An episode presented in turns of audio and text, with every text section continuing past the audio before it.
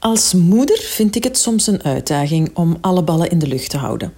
Werken, de was en de plas coveren, de kinderen naar de hobby's vervoeren, gezond willen koken, zelf nog in beweging blijven en het liefst van al s'avonds in de zetel ploffen in een kraaknet huis. Maar is dit überhaupt wel haalbaar? Els Heremans is nestcoach en ontwierp een stappenplan voor ouders om terug rust en controle te vinden. Ik laat Luc het allemaal voor mij uitzoeken.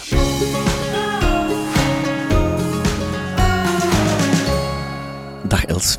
Goedemorgen. Mag ik jou meteen introduceren als zijnde een nestcoach? Want dat is hoe jij jezelf noemt, hè? Ja, dat klopt. Ik ben nestcoach, maar ik ben in eerste instantie mama, moeder hè, van twee tienerzonen. Ik uh, ben twintig jaar gelukkig getrouwd met mijn man. En ik werk als verpleegkundige op een neonatologie in een ziekenhuis.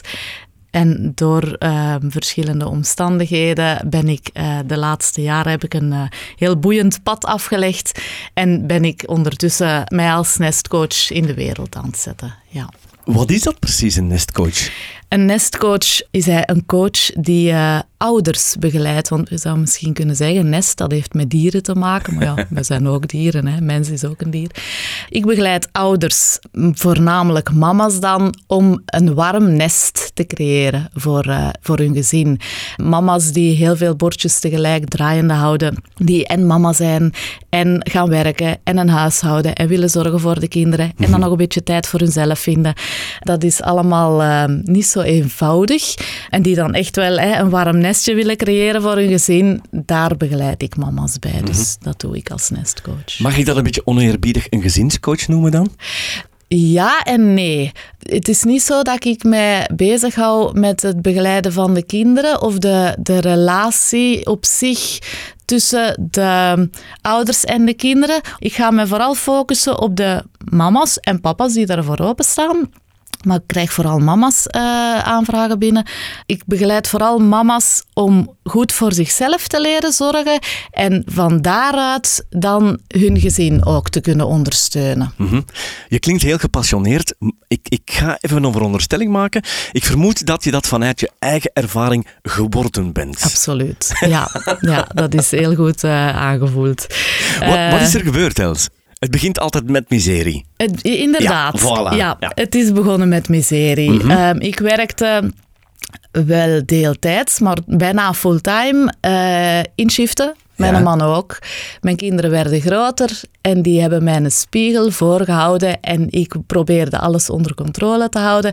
Ik probeerde zo goed mogelijk te zorgen voor mijn kinderen, te zien dat er warm eten was, dat er eh, de, de, kleren gewassen waren, uh, heel mijn huishouden netjes in orde. En dat werkte niet. Uh, mijn kinderen deden niet wat ik verwachtte van hen. Ai. Dus er kwamen frustraties en mijn man werkte ook niet mee in mijn ogen. Dus mm -hmm. ik begon mij te frustreren in van alles. Er kwamen heel veel spanningen binnen mijn gezin. Ik verloor op korte tijd ook mijn vier grootouders en mijn schoonbroer, die uh, heel onverwacht, nee, niet onverwacht, maar die uit het leven is gestapt. Wat dat ook wel een hele felle indruk heeft gemaakt op mij. Uh, waardoor dat je leven even uh, door elkaar wordt geschud en dan begin je na te denken van oké, okay, waar zijn we hier mee bezig? Ja, en ik veronderstel dat dat helemaal gelukt is, want anders zou jij nu geen ervaringsdeskundige zijn. Absoluut. Ja, ik ben zelf in therapie gegaan, ik heb hulp gezocht, ik ben boeken gaan lezen, ik ben mij gaan verdiepen in, uh, in het opruimen in eerste instantie, om rust te creëren in ons huis, om een beetje overzicht en orde te krijgen, om, om tot mezelf te kunnen komen. Ik heb heel veel inzicht gekregen sinds mijn veertigste begonnen. Ik heb mezelf veel beter leren kennen, hoe dat iemand anders mij ziet, uh, hoe dat ik overkom bij andere mensen. Ik heb daar heel veel uit geleerd en ik ben veel milder geworden voor mezelf. En door milder te worden voor mijn eigen, uh, voor mezelf ben ik ook veel zachter en milder geworden naar mijn gezin toe. Uh, ik heb leren relativeren en ja, anders kijken naar het leven. Oké, okay, dat is een ja. hele boterham, Els. Maar ik vermoed dat jij er een bepaalde structuur hebt ingevonden in, in de coaching. Ja. Mogen wij de hoofdbrokken weten? Ja, de drie strategieën waar dat ik, eh, of drie pijlers waar dat ik vooral eh, aan vasthoud om mijn leven in balans te houden eigenlijk als mama, ehm, is één, ontspullen. Dus opruimen, uw, uw omgeving eh, overzicht krijgen, rust krijgen in uw omgeving door heel veel spullen weg te doen en alleen bij te houden wat je echt nodig hebt. En in C zijn er dat helemaal niet veel. Het tweede pijler is ontmoeten. Dus uw gedachten ehm, leren omdenken. Anders durven kijken naar uzelf. Eerlijk durven zijn met uzelf. En uw negatieve gedachten leren ombuigen in positieve gedachten. En de derde pijler is ontspannen. Door uh, te gaan wandelen, door te rusten, door te slapen, door te durven in de zetel gaan zitten en niks doen omdat ja. je moe bent. Uh -huh. Luisteren naar je lichaam ja, ja. Uh, en niet blijven doorgaan. Mm. Dat klinkt heel eenvoudig, maar ik hoor onze potvol geluk luisteraar nu al kreunen en zeggen wacht, wacht, wacht, wacht een momentje, wacht, wacht, wacht. wacht. Dus ontspullen ontmoeten en ontspannen. Ja, dat zijn de drie pijlers waar jij mee ja. aan de slag gaat. Daar wil ik eigenlijk ook meer over weten. Kan jij vertellen wat voor jou ontspullen betekent? Want is dat hetzelfde als opruimen? Nee, absoluut niet. Um, het vloeit, vloeit eruit voort. Ontspullen, minimaliseren wordt dat ook wel eens genoemd, maar minimaliseren is wel veel breder dan ontspullen alleen. Maar ontspullen is u richten tot de essentie, wat dat je nodig hebt van je spullen. Dus wegdoen. Alle spullen die je niet meer gebruikt, waar dat, die je niet mooi vindt, die je ooit gekregen hebt, maar eigenlijk nooit iets mee gedaan hebt. Alles wat dat in je omgeving staat, dat je niet gebruikt, dat daar maar staat te staan, wegdoen. Of verkopen of weggeven of naar de kringwinkel, maakt niet uit, maar uit uw zicht doen en zien dat dat geen aandacht meer vraagt. En nu wil ik van jou weten hoe de cliënten erop reageren als je hen dit vertelt, want dit lijkt angstaanjagend.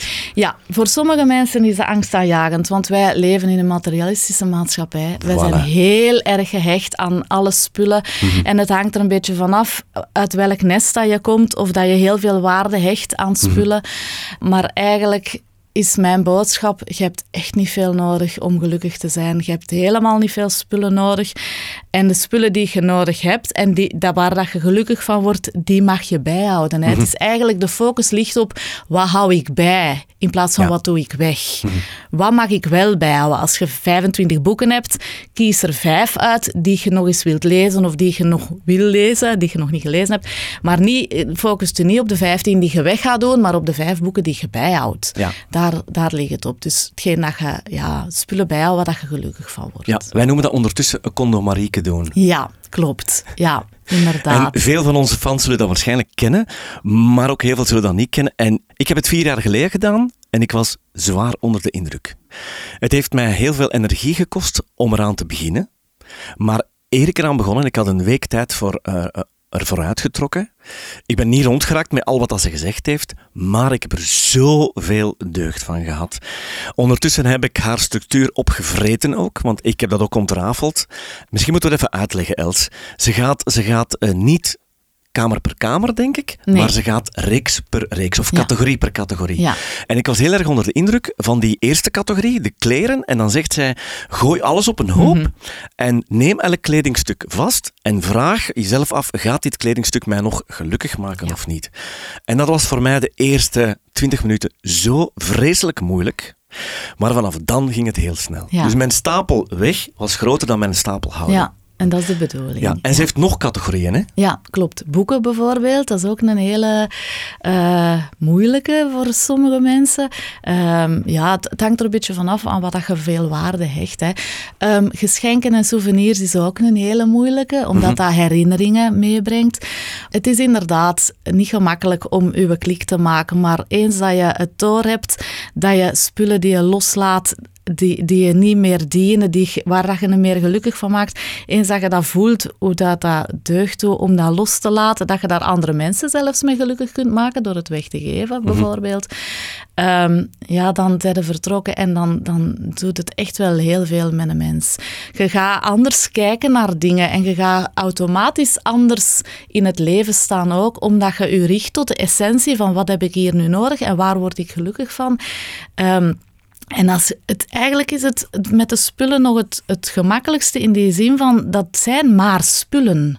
Het zijn maar materiële dingen En als je iets wegdoet en je hebt er achteraf toch spijt van, je kunt dat altijd terug opnieuw gaan kopen. Hè? Allee, dat, dat, is, dat, is, dat zijn geen levens mee gemoeid. Het zijn, uiteraard, het zijn gewoon maar spullen. Tenzij er een emotionele Tenzij waarde aan er een emotionele waarde, maar dan geef ik altijd het voorbeeld van... Um, stel dat je een, een erfstuk of iets dat je gekregen hebt van je oma of je opa, je kunt dat niet wegdoen, krijgt dat niet overhard. Waarom zou je dat bijhouden? Als, je, als ik aan u vraag, denkt eens aan uw opa, gegarandeerd dat je uw opa voor je ogen ziet. Mhm. Daar heb je dat, dat, dat, dat stuk, dat materiële stuk in C niet voor nodig. Dat, is, dat kan een trigger zijn, maar je hebt het eigenlijk, eigenlijk hebt het niet nodig. Nu, dus fijn, hè? als je het in huis hebt staan en je vindt het iets moois, een schilderij of een erfstuk, maakt niet uit. Je mag dat bijhouden. Wij zitten dagelijks op de stoelen van onze vava thuis in huis. Maar dat zijn echt gebruiksvoorwerpen. Ik heb, uh, zijn fiets heb ik ook gekregen, maar ik heb die dan verder gegeven aan mijn nicht. Um, omdat ik hem niet gebruikte. En dat was ook een beetje met pijn in het hart. Maar ik gebruikte hem niet en dan dacht ik, kan hem even goed. Hij is binnen de familie gebleven, dus dat viel wel mee. Um, maar ja, eigenlijk om herinneringen, spullen bijhouden, om herinneringen op te roepen, hoeft niet per se. Want als je je ogen toedoet en je denkt aan je vava of aan je grootmoeder of aan je tante, maakt niet uit, je ziet ze. En je denkt eraan. Maar dat kan alleen maar op het moment dat wij beseffen dat die spullen een positief anker zijn. Zoals jij zegt, de trigger om ons eraan te doen herinneren. Ja, oké. Het klinkt heel eenvoudig zoals wij het nu uitleggen. Dat realiseer ik mij. Wat zijn de grootste struikelblokken voor mensen die het nog niet gedurfd hebben? Angst. Um, om, om um, ja, schrik van iets weg te doen dat ze toch nog nodig gaan hebben. Um, het zinnetje dat ik wel eens gebruik, het staat, ja, wat ik regelmatig gebruik, is ooit is nooit. Als iemand zegt, ik ga ooit dat nog gebruiken, mm gegarandeerd dat dat er niet van komt. Want als je dat wil gebruiken, als je dat ooit zou gebruiken, had je dat al gedaan. Ja. Dan was je dat, dan was je dat, als ik, ik zal ooit nog eens dat gaan doen, dan dat komt er niet van. Ooit is nooit. We gaan daar straks op terugkomen. Oké. Oké. Ehm, dit is een prioriteit, neem ik aan. Dus het staat niet toevallig op nummer één, dat ontspullen. Heeft dat een bepaalde reden? Ik ben daarmee begonnen. Ik was op zoek naar, naar, de, naar rust in mijn hoofd en in, mijn omgeving. Ik was overspannen door mijn shift te werken, door het feit dat mijn kinderen niet deden wat ik verwachtte. En ik ging op zoek naar overzicht, orde want dat geeft rust. Mhm. Ehm, dus ik ben begonnen met op te ruimen en rust in mijn omgeving te creëren door spullen weg te doen. Als er geen spullen in uw omgeving staan, kunnen ze ook uw aandacht niet vragen. En kom je automatisch tot rust. Als je geen wasmand met strijk ziet staan, dan denk je ook niet van, ah ja, ik moet nog strijken. Het is alleen als je ziet staan dat je eraan herinnerd wordt dat je ze nog moet strijken.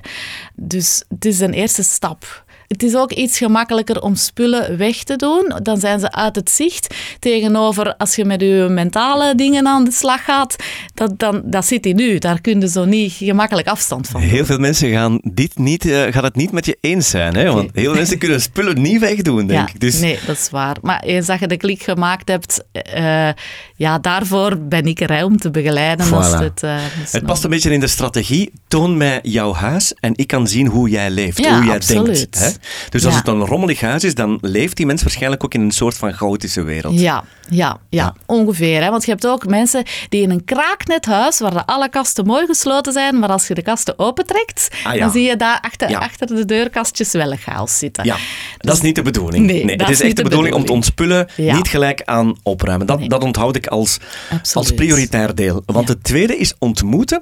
Mag ik een beetje stellen, als ik het goed begrijp, is dat de, eh, het eerste blok het opruimen van je omgeving, maar het tweede blok lijkt mij het opruimen van je geest. Inderdaad, dat is ook zo. Ja.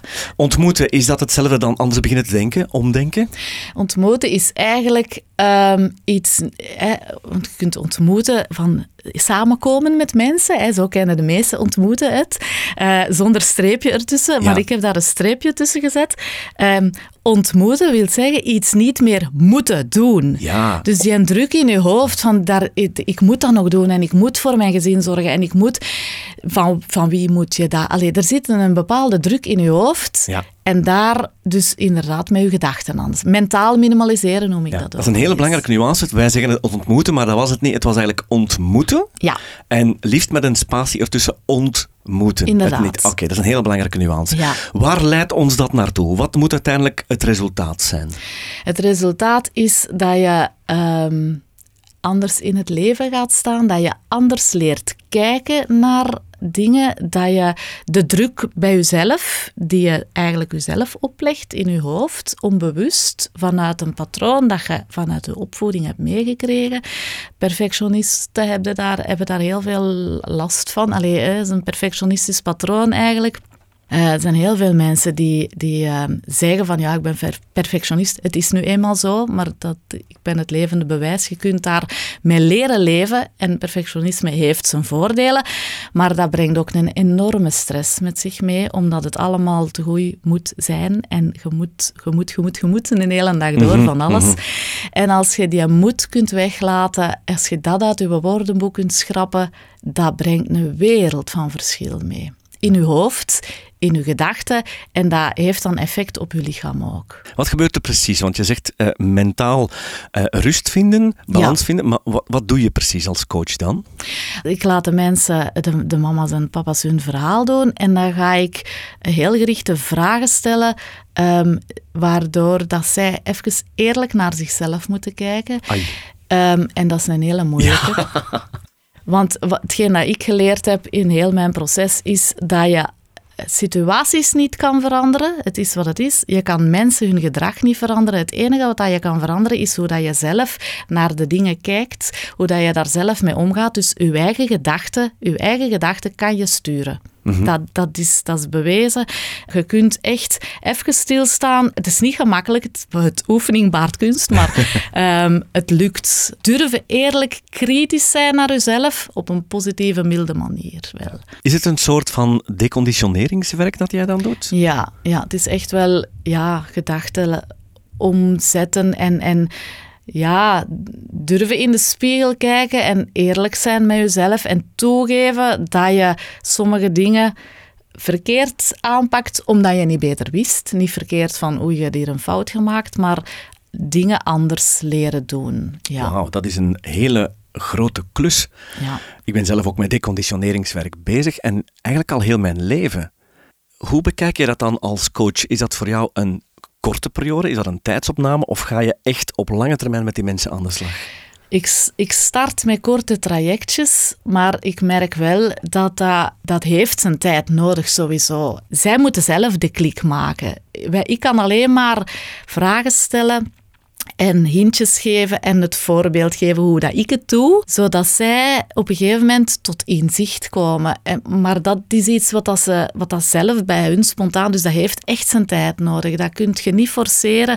Je kunt, daar zijn, ik heb daar ook stappenplannetjes voor, maar dat is iets wat je zelf door in situaties te zitten en daar bewust van te worden, dat is echt wel de, de, de clue om je bewust te worden van oké, er gebeurt nu dit, ik reageer op die manier. dat is het gevolg van mijn reactie. Hoe ga ik daar anders mee om? Kan ik, het, kan ik ook op een andere manier reageren? En welk gevolg heeft dat dan? Is dat fijner? Is dat niet fijner? Dus echt met eigen aan de slag gaan bij mij heeft, ik ben daar nog altijd mee bezig trouwens. Wel, dat kan ik me levendig voorstellen. Ik, ik ga ervan uit dat wat jij doet een heel groot effect heeft op het verleden van je leven en sowieso op de toekomst. Maar je moet toch een soort van levensprogramma kunnen overschouwen dan? Ja. Heb je daar ook tools voor? Um, ja, ik, ik leef nu vanuit die minimalistische levensvisie. Hè. Ja. Ik, dat is echt uh, u richten op de essentie van uw leven Ehm, dat doe je onder andere door te relativeren. Dat is niet gemakkelijk, maar dat is gewoon echt wel eerlijk zijn met jezelf en durven toegeven van oké, ik heb dat geprobeerd, dat werkt niet. Oké, ik ga het eens op een andere manier proberen.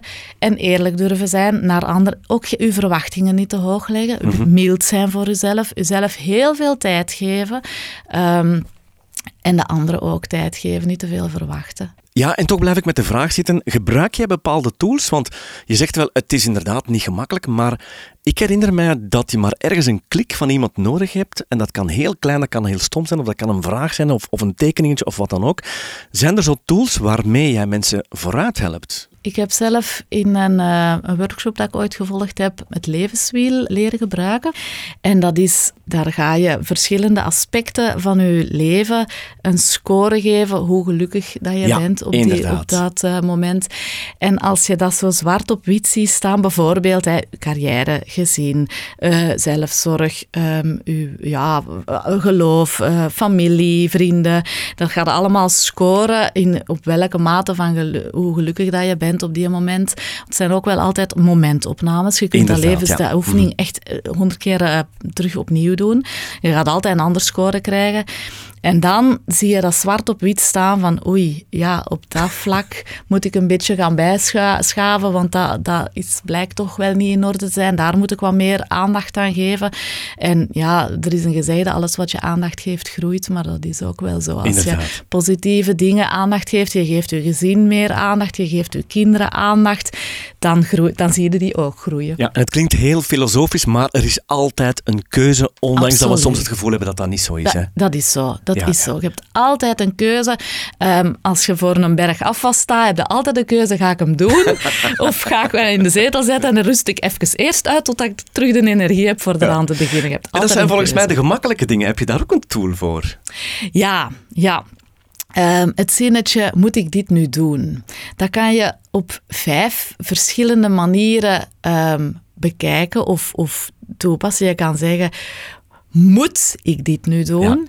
Uh, of moet ik dit nu doen? Dus als je elke keer je accent legt op een ander woordje mhm. en die vragen heel eerlijk gaat beantwoorden naar jezelf toe, bijvoorbeeld de, de was, de strijken bijvoorbeeld. Zal strijken. Ik heb jarenlang gestreken, ik vind dat zelf persoonlijk ontspannend ondertussen. Maar als je daar geen, dingen, geen, geen plezier, geen energie uithaalt, als het een energievreter is, ja, dan kun je jezelf afvragen, moet ik dit doen? Waarom strijk ik? Moet ik dat doen? Kan ik het niet delegeren aan iemand anders? Kan ik het niet aan mijn mama geven? Kan ik het niet in de strijkdienst laten doen? Poetsen heb ik jarenlang gedelegeerd. Ondertussen doe ik het terug even zelf. Maar... Uh, ja, dat zijn zo, uh, als je dat zinnetje toepast op dingen waar je tegenaan kijkt, die je eigenlijk niet leuk vindt om te doen, energievreters wordt ook wel eens genoemd, mhm. dan kan je echt eerlijk zijn met jezelf en dan vind je oplossingen. Dus als je dat zinnetje toepast uh, en elk woordje apart een keer gaat benadrukken, dan kom je zelf tot antwoorden en oplossingen. Ik neem mezelf even als voorbeeld. Ik doe op het moment zoveel dat ik heel vaak onbewust die vraag toch gebruik: moet ik het nu doen? Ja, en dan is het een kwestie van prioriteiten. Doe ik eerst de podcast, doe ik eerst dit, doe ik eerst dat. Ja. Ik vind het een heel belangrijk zinnetje. De mooiste tip tot nu toe. Dank je. Nu, we hadden ontspullen. Ja. We hadden ontmoeten. Ja. Ik moet dat niet doen, of wanneer moet ik het doen? En je hebt nog een derde luik van jouw coaching en dat is ontspannen. Ja, klopt. En ontspannen is... Ehm, ja, uw lichaam aandacht geven. Daar komt het eigenlijk op. Alles minimaliseren op fysiek vlak noem ik dat ook. Hè. Dat is mijn derde laag dan, ontspannen. Uh, de spanning uit uw lichaam halen. Uh, ik ben zelf sinds enkele jaren bewust um, flexitariër geworden. Ik zal niet zeggen vegetariër, want ik eet nog vis. En flexitariër um, betekent? Betekent um, af en toe of, of minder vlees eten. He, dus ja. gezondere levensstijl. Um, je hebt vegetariërs, die eten geen vlees en vis of alles wat dan met dieren te maken heeft. Veganisten gaan nog een stapje verder, die eten niks van wat dan met um, dierlijke oorsprong is. Maar dat is voor mij persoonlijk een stapje te ver. Het is mij opgevallen dat sinds ik um, het vlees heb weggelaten, dat ik mij veel beter in mijn vel voel. Kijk eens aan. Sinds ik ook mijn rust toelaat als ik moe ben en ik ga zitten in de zetel en ik doe niks zonder mij schuldig te voelen en ik kijk weg van al het werk dat er nog staat, dan laat mijn batterijtje ook op. Dus u, het zorg dragen voor uw lichaam is super belangrijk en dat kan alleen door u te richten tot wat heeft uw lichaam echt nodig? Waar wordt mijn lichaam gelukkig van? En eh, ja, u goed voelen in uw vel, dingen doen die je graag doet, bijvoorbeeld gaan wandelen of fietsen of sporten. Sommige mensen sporten heel, ik sport ook, maar op een mild niveau. Dus daar gaat ontspannen echt de, ja, uh, er is ook een, uh, een quote. Luister naar uw lichaam zodat het niet hoeft te schreeuwen. Ik vind dat een hele schone als je lichamelijke klachten hebt. Je kunt een pilletje pakken. Dat zijn symptoombehandelingen, maar je kunt ook aan de slag gaan. Hoe komt dat dat ik hoofdpijn heb? Van waar komt dat? Heel veel lichamelijke klachten zijn stressgerelateerd. Heel veel. Lichaam en geest hangen samen. Dat is bewezen ondertussen. Dat is onlosmakelijk. Als je niet goed in je vel zit, als je lichamelijke klachten krijgt, daar zit altijd een emotionele of een psychische Ja. Trigger aan vast. Ja, en nu hoor ik heel veel luisteraars schreeuwen en kreunen, want sommige luisteraars verklaren dit enkel medisch en zijn er nog niet aan toe om dat psychomatisch gaan te bekijken. Ja, Hè? ja, klopt. En dat is ook hetgeen wat dat bij mij op het werk... Ik werk op een neonatologie. eh, Oei, een beetje vloeken in de kerk, Els. nee, nee. Eh, ik be- heb heel veel respect voor de medische wereld. Mijn oudste zoon studeert bio, biomedische wetenschappen voor het moment al genief. Dus eh, ik heb daar heel veel... En de we- medische wereld moet er zijn, absoluut. Hè, voor kankerpatiënten, echt waar. Maar het is niet alleen dat. Het is echt de combinatie van... Er, er moet aandacht zijn voor het psychische. En als een mens de zorgen en, en als er aandacht is voor het psychische, voor de zorgen en, en al hetgeen dat er rondhangt, niet alleen op het fysieke gericht, ehm, dat is ene puzzel. En dan, dan, ja, dan kun je je klachten ook ehm, oplossen of milder maken.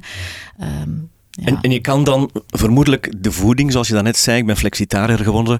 Nu, volgens mij is dat een beetje een generatiekloof, want jonge mensen zijn, of de veganisten situeren zich meestal bij de jonge mensen. Ja. Ik ken heel veel boomers die zeggen, ik moet mijn stuk vlees elke Ja, dag hebben. ja. En jij zit daar een beetje tussenin, denk ik. Inderdaad, ja, ja. Ik ben nog niet zo ver om eh, alles weg te laten van dierlijke oorsprong.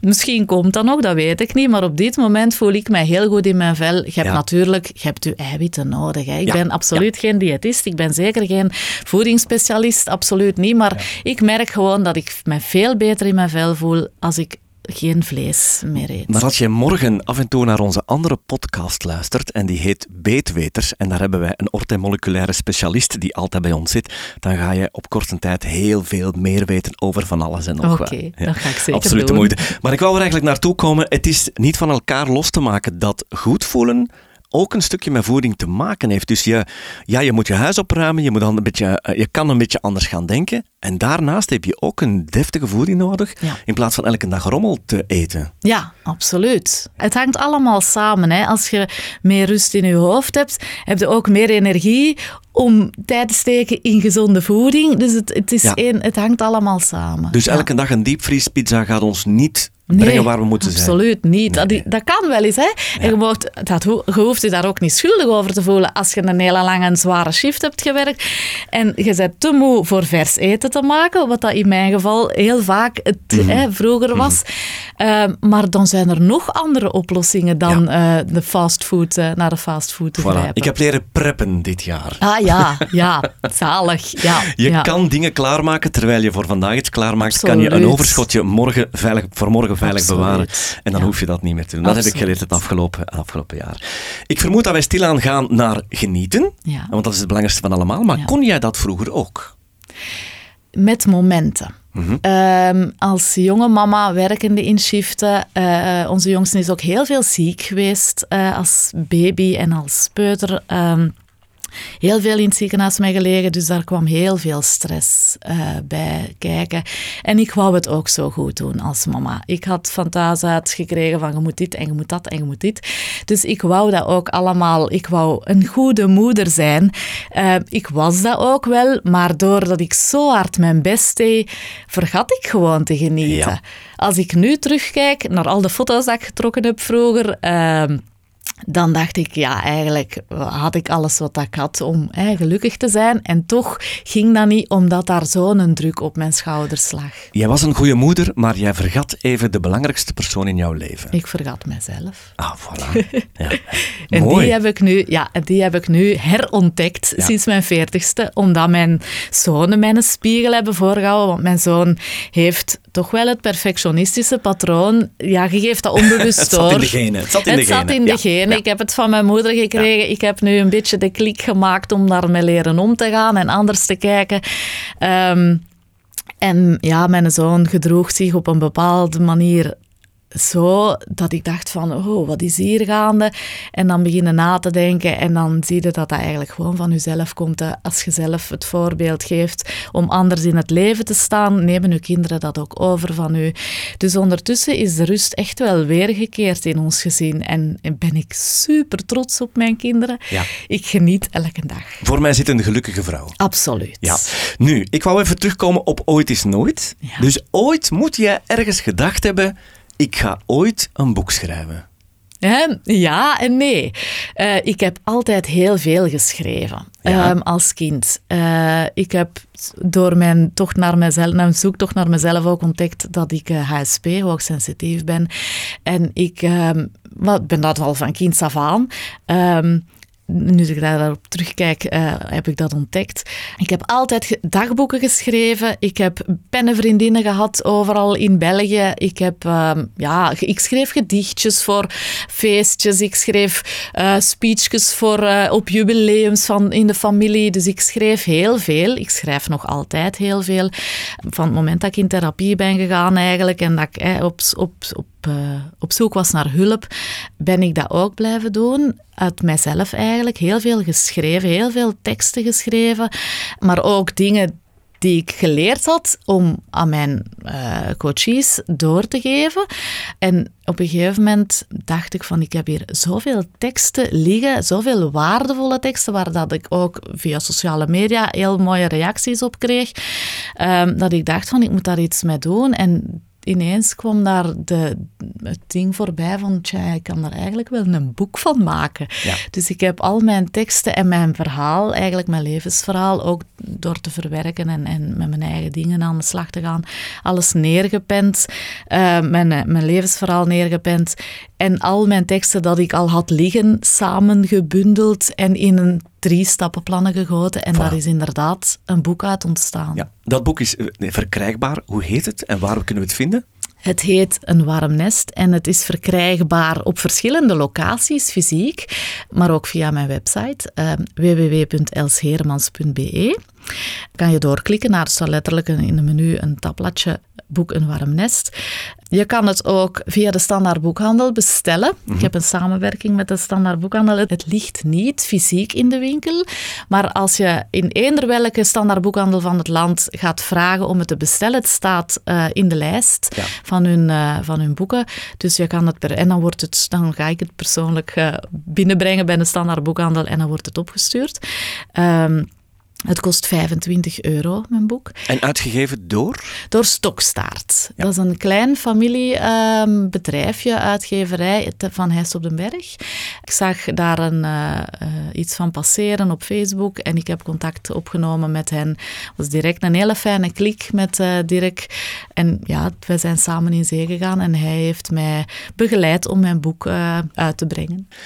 Ik kom niet zo vaak mensen tegen, Els, die heel duidelijk de missie in hun leven hebben gevonden. Maar jij bent zo duidelijk iemand. Absoluut. En je hebt ook dat gevoel? Ik heb dat gevoel, ja. Mijn, ja ik heb echt het gevoel van...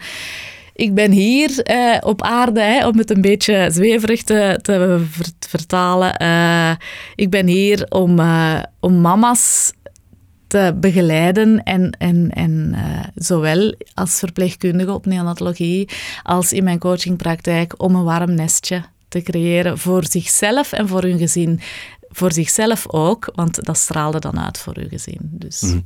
Dan rest er mij niks meer als jou het allerbeste te wensen met alles wat je nog doet. Dank u wel. Dank u wel voor de komst naar de studio. Succes Heel graag gedaan.